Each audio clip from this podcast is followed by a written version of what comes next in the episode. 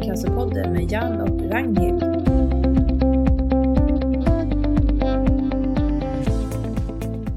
Hej alla lyssnare och välkomna till dagens avsnitt av Lungcancerpodden.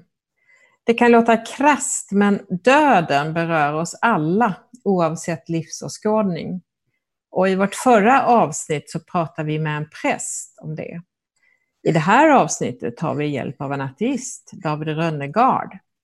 David är civilekonom, doktor i filosofi och dessutom nytillträdd ordförande för Humanisterna.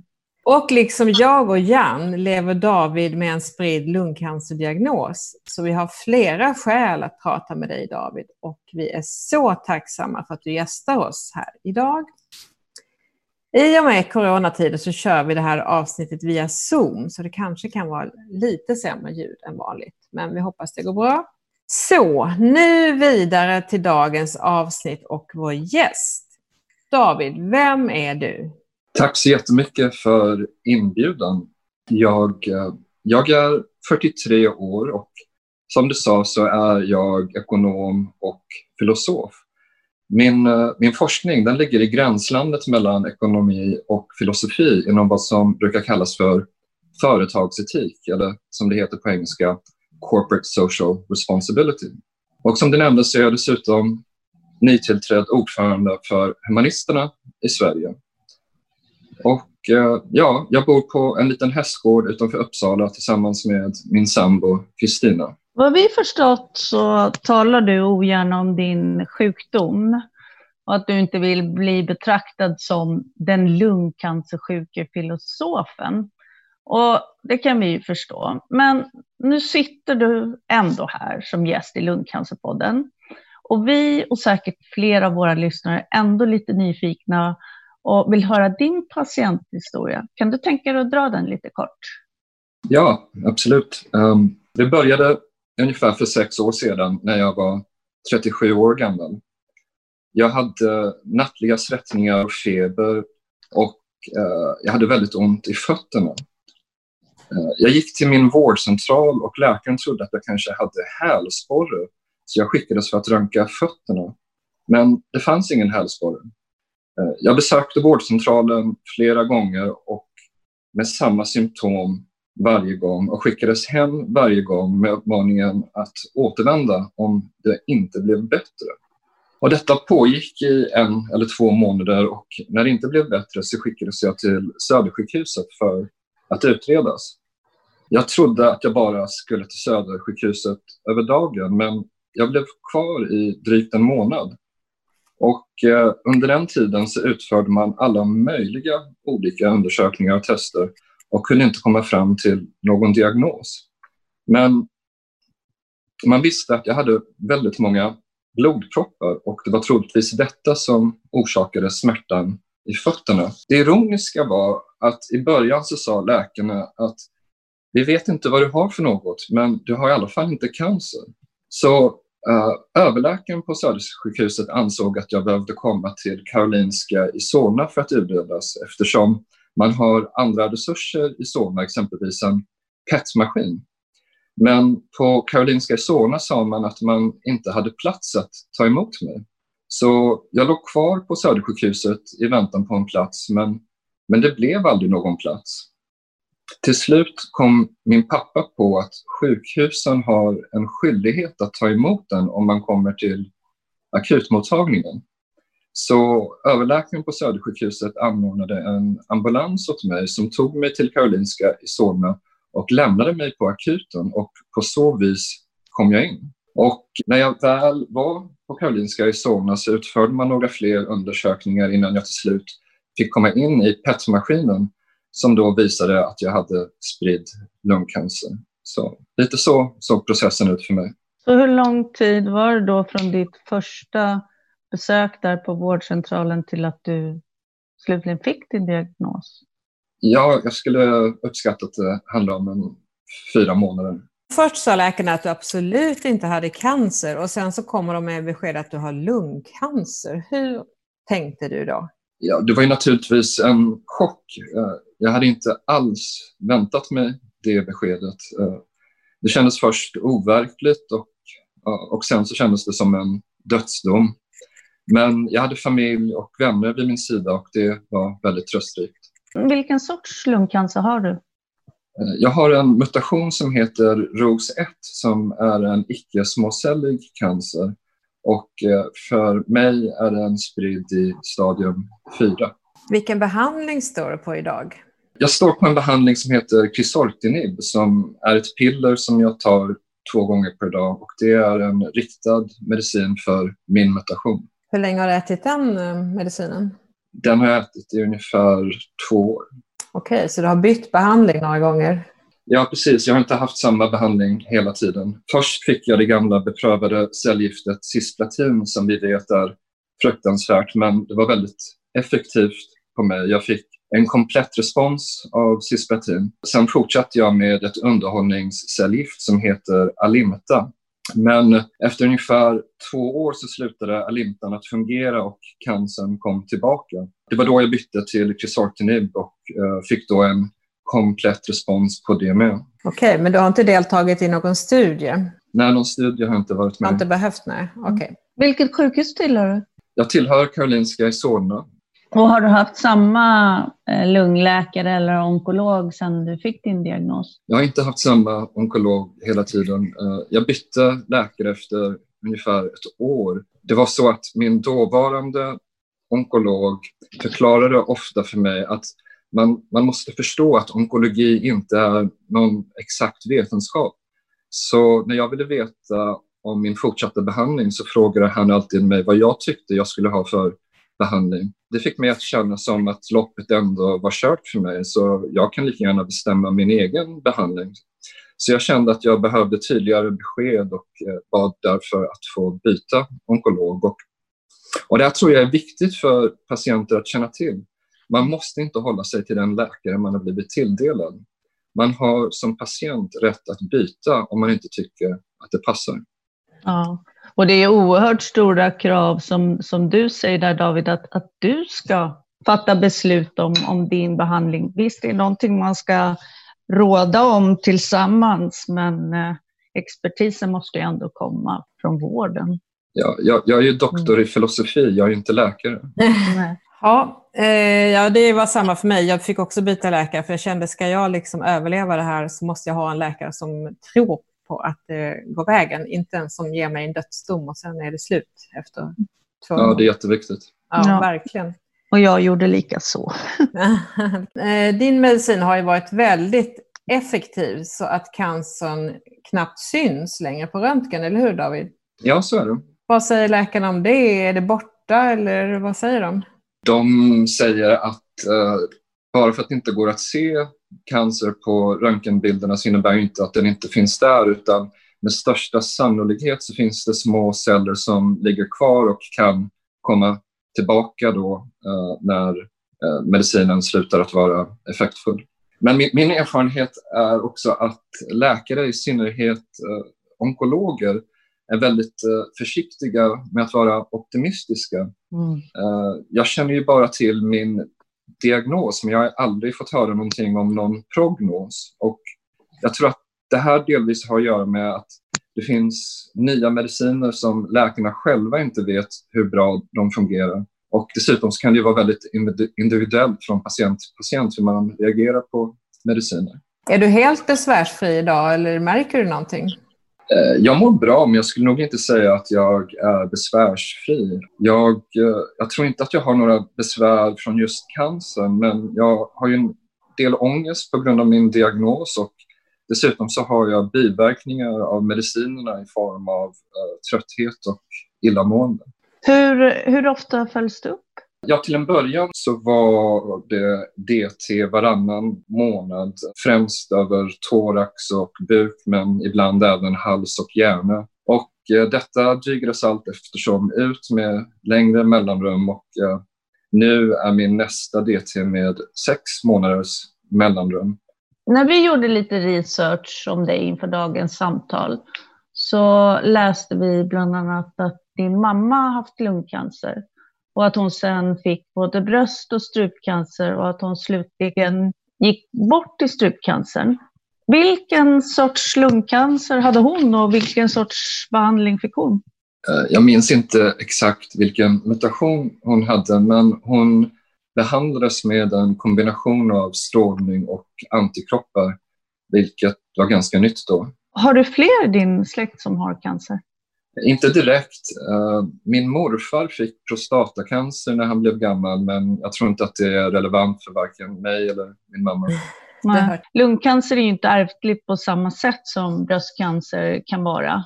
Har din onkolog eh, några tankar om att ni är flera i samma familj som har drabbats av lungcancer? Jag har frågat och inte fått något tydligt svar.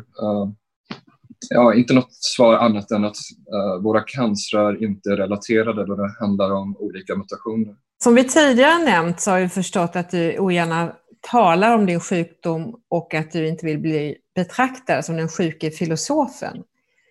Eh, jag tror att det är många av oss med en lungcancerdiagnos som kan identifiera oss med den känslan att vi är så mycket mer än bara vår diagnos. Försöker du leva som att du är frisk? I stort sett så försöker jag leva som jag är frisk. Vi har ju bara ett liv och mm. det livet måste levas här och nu. Ja, verkligen. Jobbar du hel eller deltid? Jag jobbar deltid, äh, även om det har blivit ganska mycket så här i början med humanisterna. Har din inställning till livet förändrats sedan du fick din diagnos? Ja, alltså jag har ju fått reflektera över vad jag egentligen värdesätter. Och när jag har reflekterat över det så har jag kommit fram till att det är närheten till andra människor som är viktigast för mig. Att ha upplevelser med andra och att skapa minnen. Ehm, gemensamma minnen är ju dessutom något som vi inte ensamt besitter. Som, som sekulär humanist så är ju det ett sätt som vi kan på, så att säga leva vidare, att vi kan leva vidare via de minnen som vi lämnar efter oss. Eh, det som kan kännas svårt för oss med en dödlig sjukdom är ju vetskapen att vi kanske inte har så lång tid kvar. Men ändå så kan vi ju verka fullt friska och försöka leva ett fulländat liv, som du säger. Och man kan ju säga att vi på sätt och vis har dubbla utgångar. Vi har hela tiden i bakhuvudet att jag kan dö ganska snart, men samtidigt vill jag ju leva mitt liv. Har du några tankar hur man kan hantera detta? Egentligen inte. Jag, jag önskar att jag hade några handfasta råd att ge, men jag kan bara konstatera att det är en svår situation. Man, man måste som sagt leva med två motstridiga tankar samtidigt. Dels att man ska planera för att leva, dels för att man ska dö. Mm. Men om man nu vet att eh, tiden ja, inte blir så lång som man hade tänkt sig, har du några tankar på vad man bör fokusera på? Du nämnde relationer och är det något annat du tänker på? Alltså vad, vad, man vill göra med den tid man har kvar tycker jag är högst individuellt. För mig, för mig har fokus legat på vänner, familj och nära relationer. Det, det är därför man måste själv tänka efter vad man själv värdesätter så att man gör de sakerna. Forskningen går ju fort framåt. Och för många av oss som lever med cancer så är det ju som att leva med en eh, kronisk sjukdom. Och det kan ju vara så att omgivningen inte hänger med utan de tror att vi är jättesjuka och de räknar inte med oss på samma sätt. Till exempel att man blir bortglömd både i yrkeslivet och, så, eh, och som vän. Eh, har du råkat ut för det? Jag har nog råkat ut för det, men på det stora hela så känner jag mig lyckligt lottad då jag har mycket närstående vänner. Ehm, jag, eh, jag har skrivit en artikel som just handlar om olika tabuer kring dödliga sjukdomar. Och en sådan tabu är just rädslan som den sjuke känner för att bli övergiven. Antingen att ens partner inte orkar med längre eller att vänner slutar att höra av sig. Rädslan är att, eh, att folk tror att man kommer att dö snart och därför inte vill investera tid igen. Eh, det, det är fortfarande en av mina rädslor, eh, men jag vet inte hur andra känner. Nej. Men har du några, skulle man kunna säga, har du några personliga rekommendationer om man som patient hamnar i en sån situation, om den uppstår? Jag har nog ingen direkt rekommendation. Det, det, är väldigt svårt att påverka hur andra tycker och känner. Jag tänkte fråga bara, var hittar man den artikeln? Den skulle jag vilja läsa. Den finns i dagsläget bara på engelska, men uh, om du går till uh, tidskriften Philosophy Now så hittar man den. Det är bara att googla på mig. Men vad bra, då kan vi lägga upp den länken på Lungcancerpodden hemsidan. Eh, där vi också kommer att lägga upp alla andra länkar. David, du är filosof. För många är det nog oklart vad en filosof gör och säkert kan uppfattas som lite flummigt. Så berätta för oss, vad gör en filosof egentligen? Ja, att syssla med eh, analytisk filosofi så som jag gör, det är allt annat än flummigt. Jag skulle snarare likna det med matematik, fast med ord. Logik är grundpelaren i den analytiska filosofin. Det som folk kanske kan tycka är lite flummigt med filosofi är att den inte ger några fasta svar. Eh, filosofi handlar om att ifrågasätta den kunskap vi har och att resonera kring frågor som inte har entydiga svar.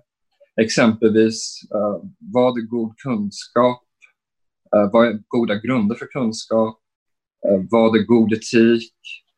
Eh, vad består vårt mentala sinne av? Och så vidare. och så vidare.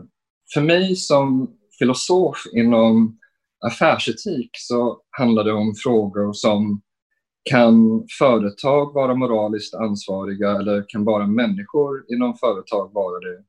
Eller hur bör maktrelationen mellan stat och företag se ut? Men att vara filosof till yrket som jag är, det, det är också ett jobb.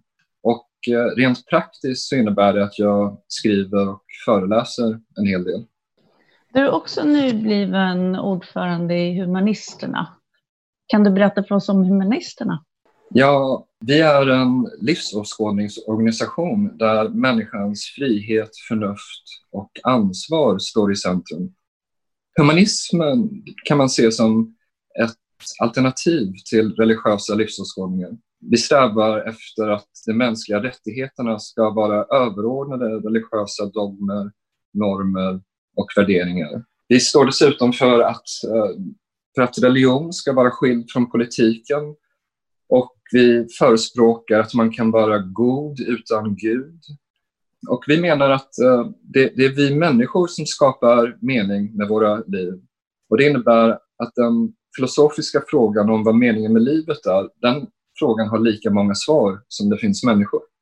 Finns, uh, finns humanisterna över hela Sverige? Uh, humanisterna finns över Eh, ja, i princip hela Sverige representerat eh, via elva olika eh, lokalavdelningar. Och hur, hur ser det ut? Träffas ni? Har ni organiserade träffar och vad gör ni på dem i sådana fall? Ja, alltså vi, vi anordnar regelbundna träffar och seminarier för våra medlemmar för att prata om ja, allt under himmel och jord. Och, eller mellan himmel och jord snarare. Ja, vi, vi tar avstamp i att eh, människans förnuft banar vägen för en bättre värld. På de här träffarna så kan vi prata om lite allt möjligt, existentiella frågor eller om religion är en god kraft i samhället eller, eller ja, hur varje människa har rätt till sin egen identitet. Den, den typen av frågor. Och hur når ni ut med dem till andra än, än medlemmarna i Humanisterna? Ja, det sätt som vi når ut uh, i vår opinionsbildning är ju via debattartiklar och seminarier. Och, uh, sen så försöker vi också hålla kontakt med politiker. Du som filosof, David, har du några tips hur man hanterar känslor av att livet inte blir som jag tänkt mig?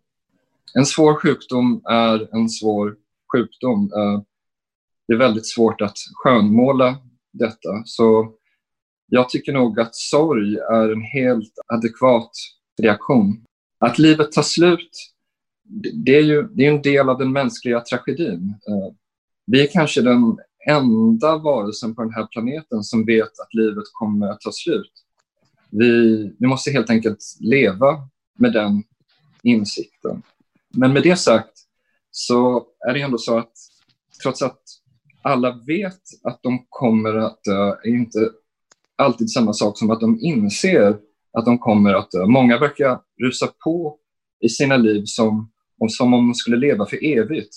Men det är först när man blir sjuk som man inser att livet är förgängligt. Och eh, det vore bra att kunna se horisonten innan man kommer dit. Eh, då kanske man skulle göra lite andra val med den knappa tid vi har. Det här med grusade förhoppningar då, man har ju sin bucket list vad man vill göra och man kanske inte ens har hunnit skaffa barn. Hur tar man sig an sådana känslor?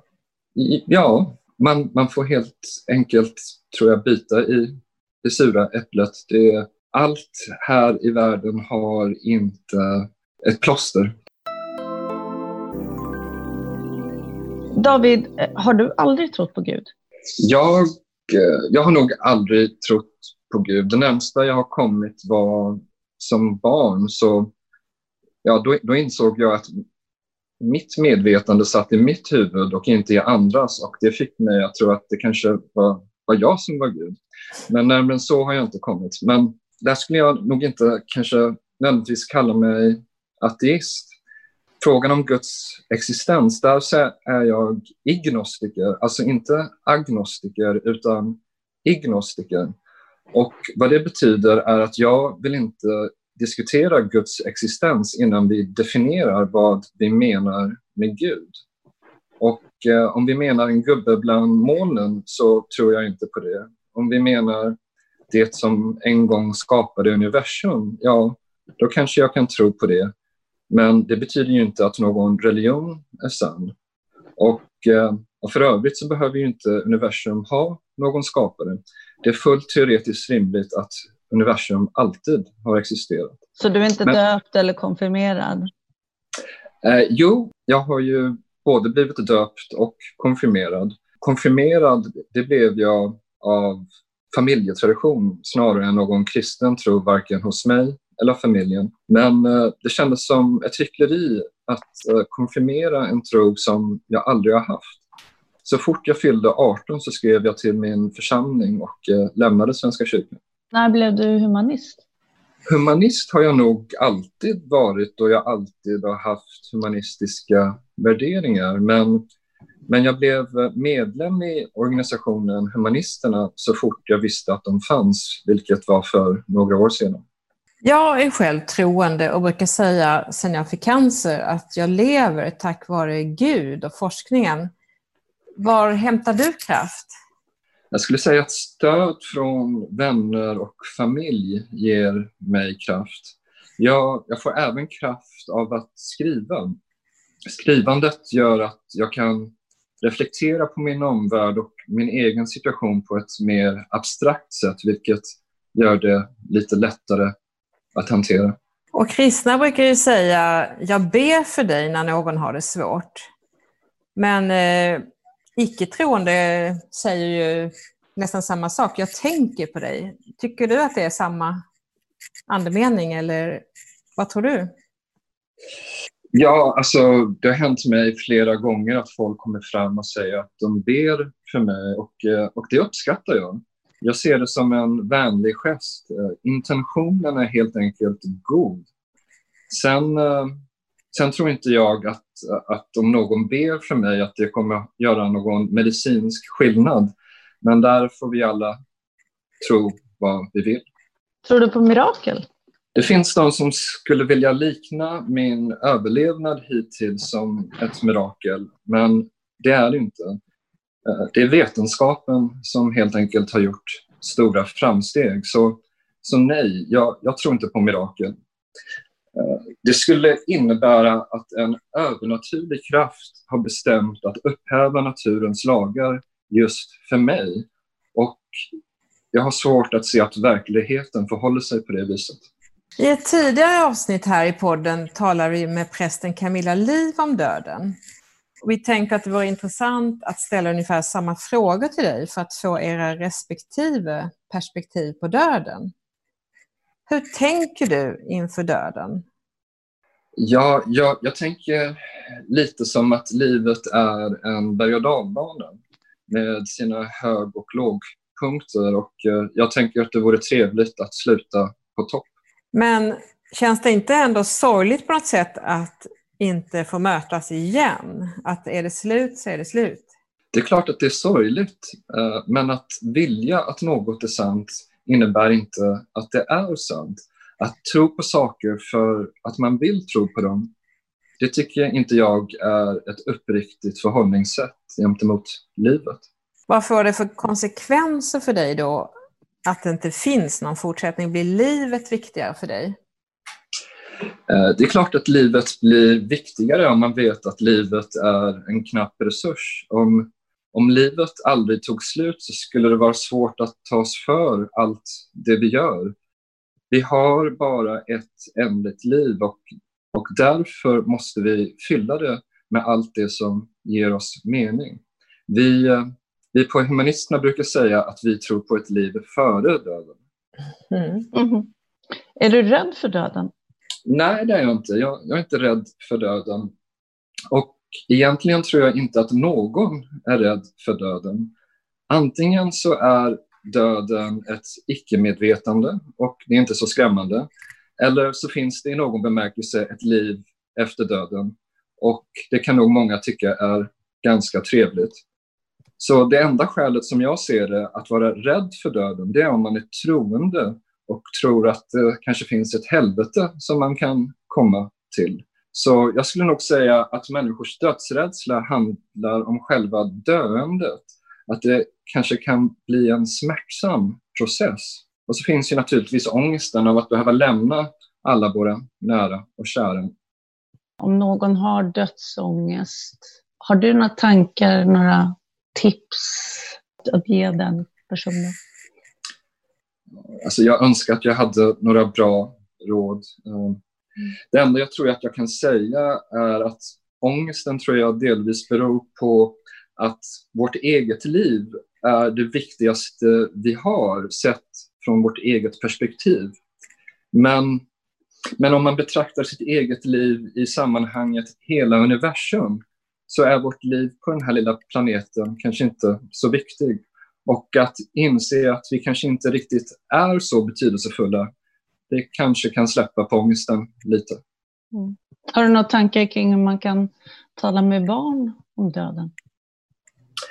Jag har ju inte några egna barn så jag tror inte att jag är bäst lämpad att ge råd på den fronten. Eh, men min devis brukar vara ärlighet. Jag tyckte du sa tidigare att man inte kunde säga någonting om vad som var meningen med livet. Eller vad tror du är livets yttersta mening? Finns det någon mening? Så jag tycker ju att frågan är felställd. Eh, frågan om livets mening, det, när den är formulerad på det sättet så för den tankarna till att det finns ett svar och att det svaret kommer utifrån, exempelvis från en gud. Men eh, meningen mening är något som vi skapar för oss själva och därför finns det som sagt lika många svar på den frågan som det finns människor.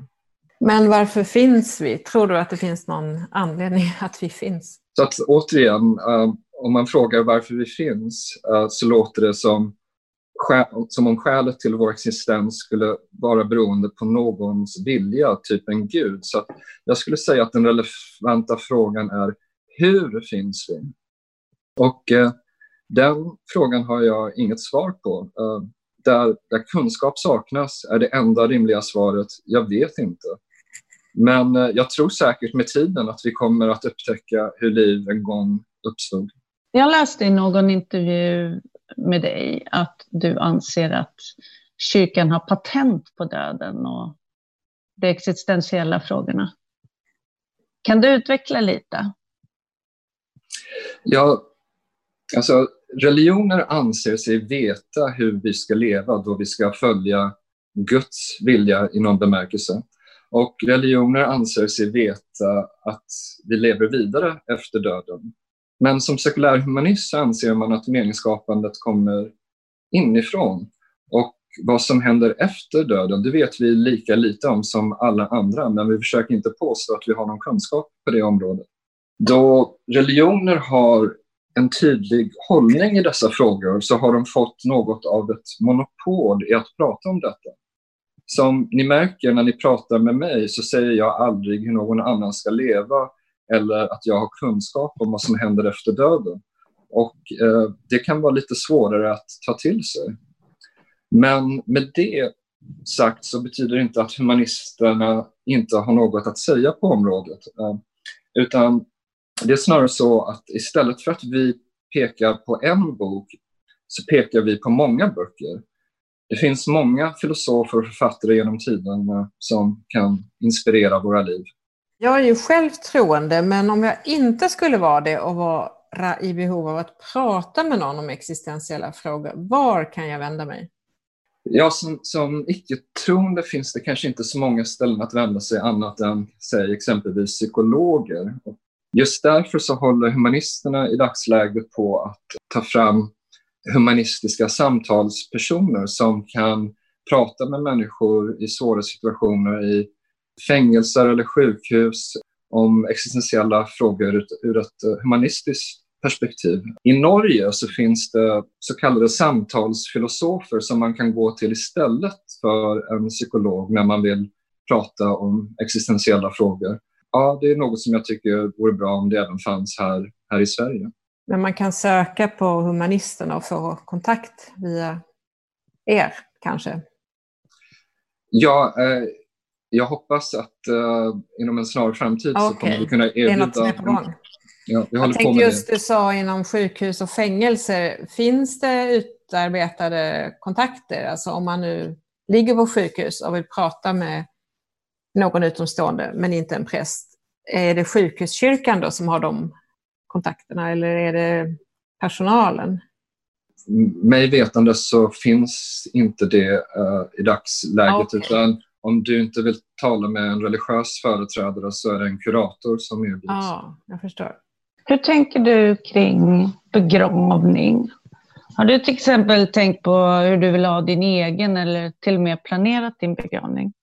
Jag har inte direkt tänkt på min egen begravning. När jag besöker min mamma i minneslunden så tänker jag att jag kanske skulle vilja ligga där. Vet du hur man gör om, eh, om jag inte vill ha en kyrklig begravning? I, I större delen av Sverige så är det så att Svenska kyrkan ansvarar för samhällets begravningsverksamhet. Eh, och humanisterna anser att, att detta ansvar ska egentligen ligga hos kommunerna då inte alla i landet är medlemmar i Svenska kyrkan. Så i dagsläget så kan man inte välja bort den här biten, men man kan välja eh, vem man vill ha som officiant vid sin begravning. Och, eh, vi på Humanisterna erbjuder officianter för sekulära ceremonier som barnvälkomnanden, bröllop och eh, begravningar. Så man kan vända sig till oss. En, en borgerlig begravning kan man utforma helt själv i allt från musik, talare och officiant. Och, eh, en borgerlig eller humanistisk officiant utgår från den som har dött genom att ta tillvara på den avlidnes önskningar och eh, genom att eh, genomföra intervjuer med vänner och familj. Det handlar då väldigt mycket om ceremonier där människan står i centrum. På vår hemsida så finns det ett register av uh, humanistiska officianter. Mm. Så att det, redan då i dagsläget då kan jag gå och vända mig till er direkt och inte gå via kyrkan då, om jag förstår dig rätt? Absolut.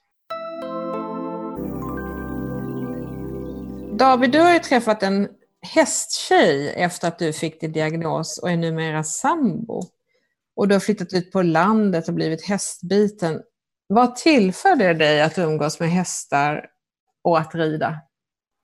Ja, närheten till hästarna är en vacker, nästan magisk upplevelse. De är fantastiska djur. När man galopperar på en häst så finns det inget annat man tänker på. Vad härligt det låter. Nyfiken som jag är kan ju inte låta bli att fråga David. Hur träffades du och din sambo? Vi, uh, vi träffades online. Det är ganska lätt att googla på mig så att hon kände till min diagnos nästan från början. Mm. Uh, hon sa omgående att min diagnos inte påverkade hennes känslor, vilket var väldigt tröstrikt att höra. Eh, är det på hästgården tillsammans med sambo och hästar du ska tillbringa din tid i sommar eller har du några andra sommarplaner? Ja, sommarplaner blir ju något begränsat på grund av coronan så vi kommer nog hålla oss på gården ganska mycket. Men om vädret är fint och tillåter så hoppas vi till midsommar kanske kunna ha ett par gäster på besök ute på vår altan. Mm, det börjar ju öppna sig lite, världen så smått. Själv planerar jag för en hemester på landet i Småland och även en vecka i Skåne såklart. Men eh, inte några utomlandsresor blir det ju. Vad tänker du Jan? Ja, jag har faktiskt inte planerat så mycket i och med att jag just har påbörjat en ny behandling, dubbelcytostatika och immunterapi som jag har ju bara fått en omgång och det, det var ganska krävande. Eh, så jag har inte riktigt vågat göra några planer, så det blir nog lite utflykter i Stockholm med eh, omnejd. David, innan vi säger tack för idag, har du något som du vill lämna våra lyssnare med? Jag vill säga att rådande pandemi har lett till mänskligt lidande och social oro. Men den har också gett oss ett andrum. Jag skulle vilja uppmana att man tar tillfället att reflektera över det man verkligen värdesätter, så vi gör det bästa med det enda liv vi har. Med de kloka och avslutande orden sätter vi punkt för idag. Stort tack David för att du varit vår gäst och tack till Taylor som har spelat in. Vi vill också passa på att önska alla er lyssnare en riktigt fin sommar och på återhörande och hej då! Hej då! Hej då! Tack för att du lyssnade på Lungcancerpodden med Jan och Ragnhild. De senaste avsnitten hittar du alltid på lungcancerpodden.se eller i din podcast-app.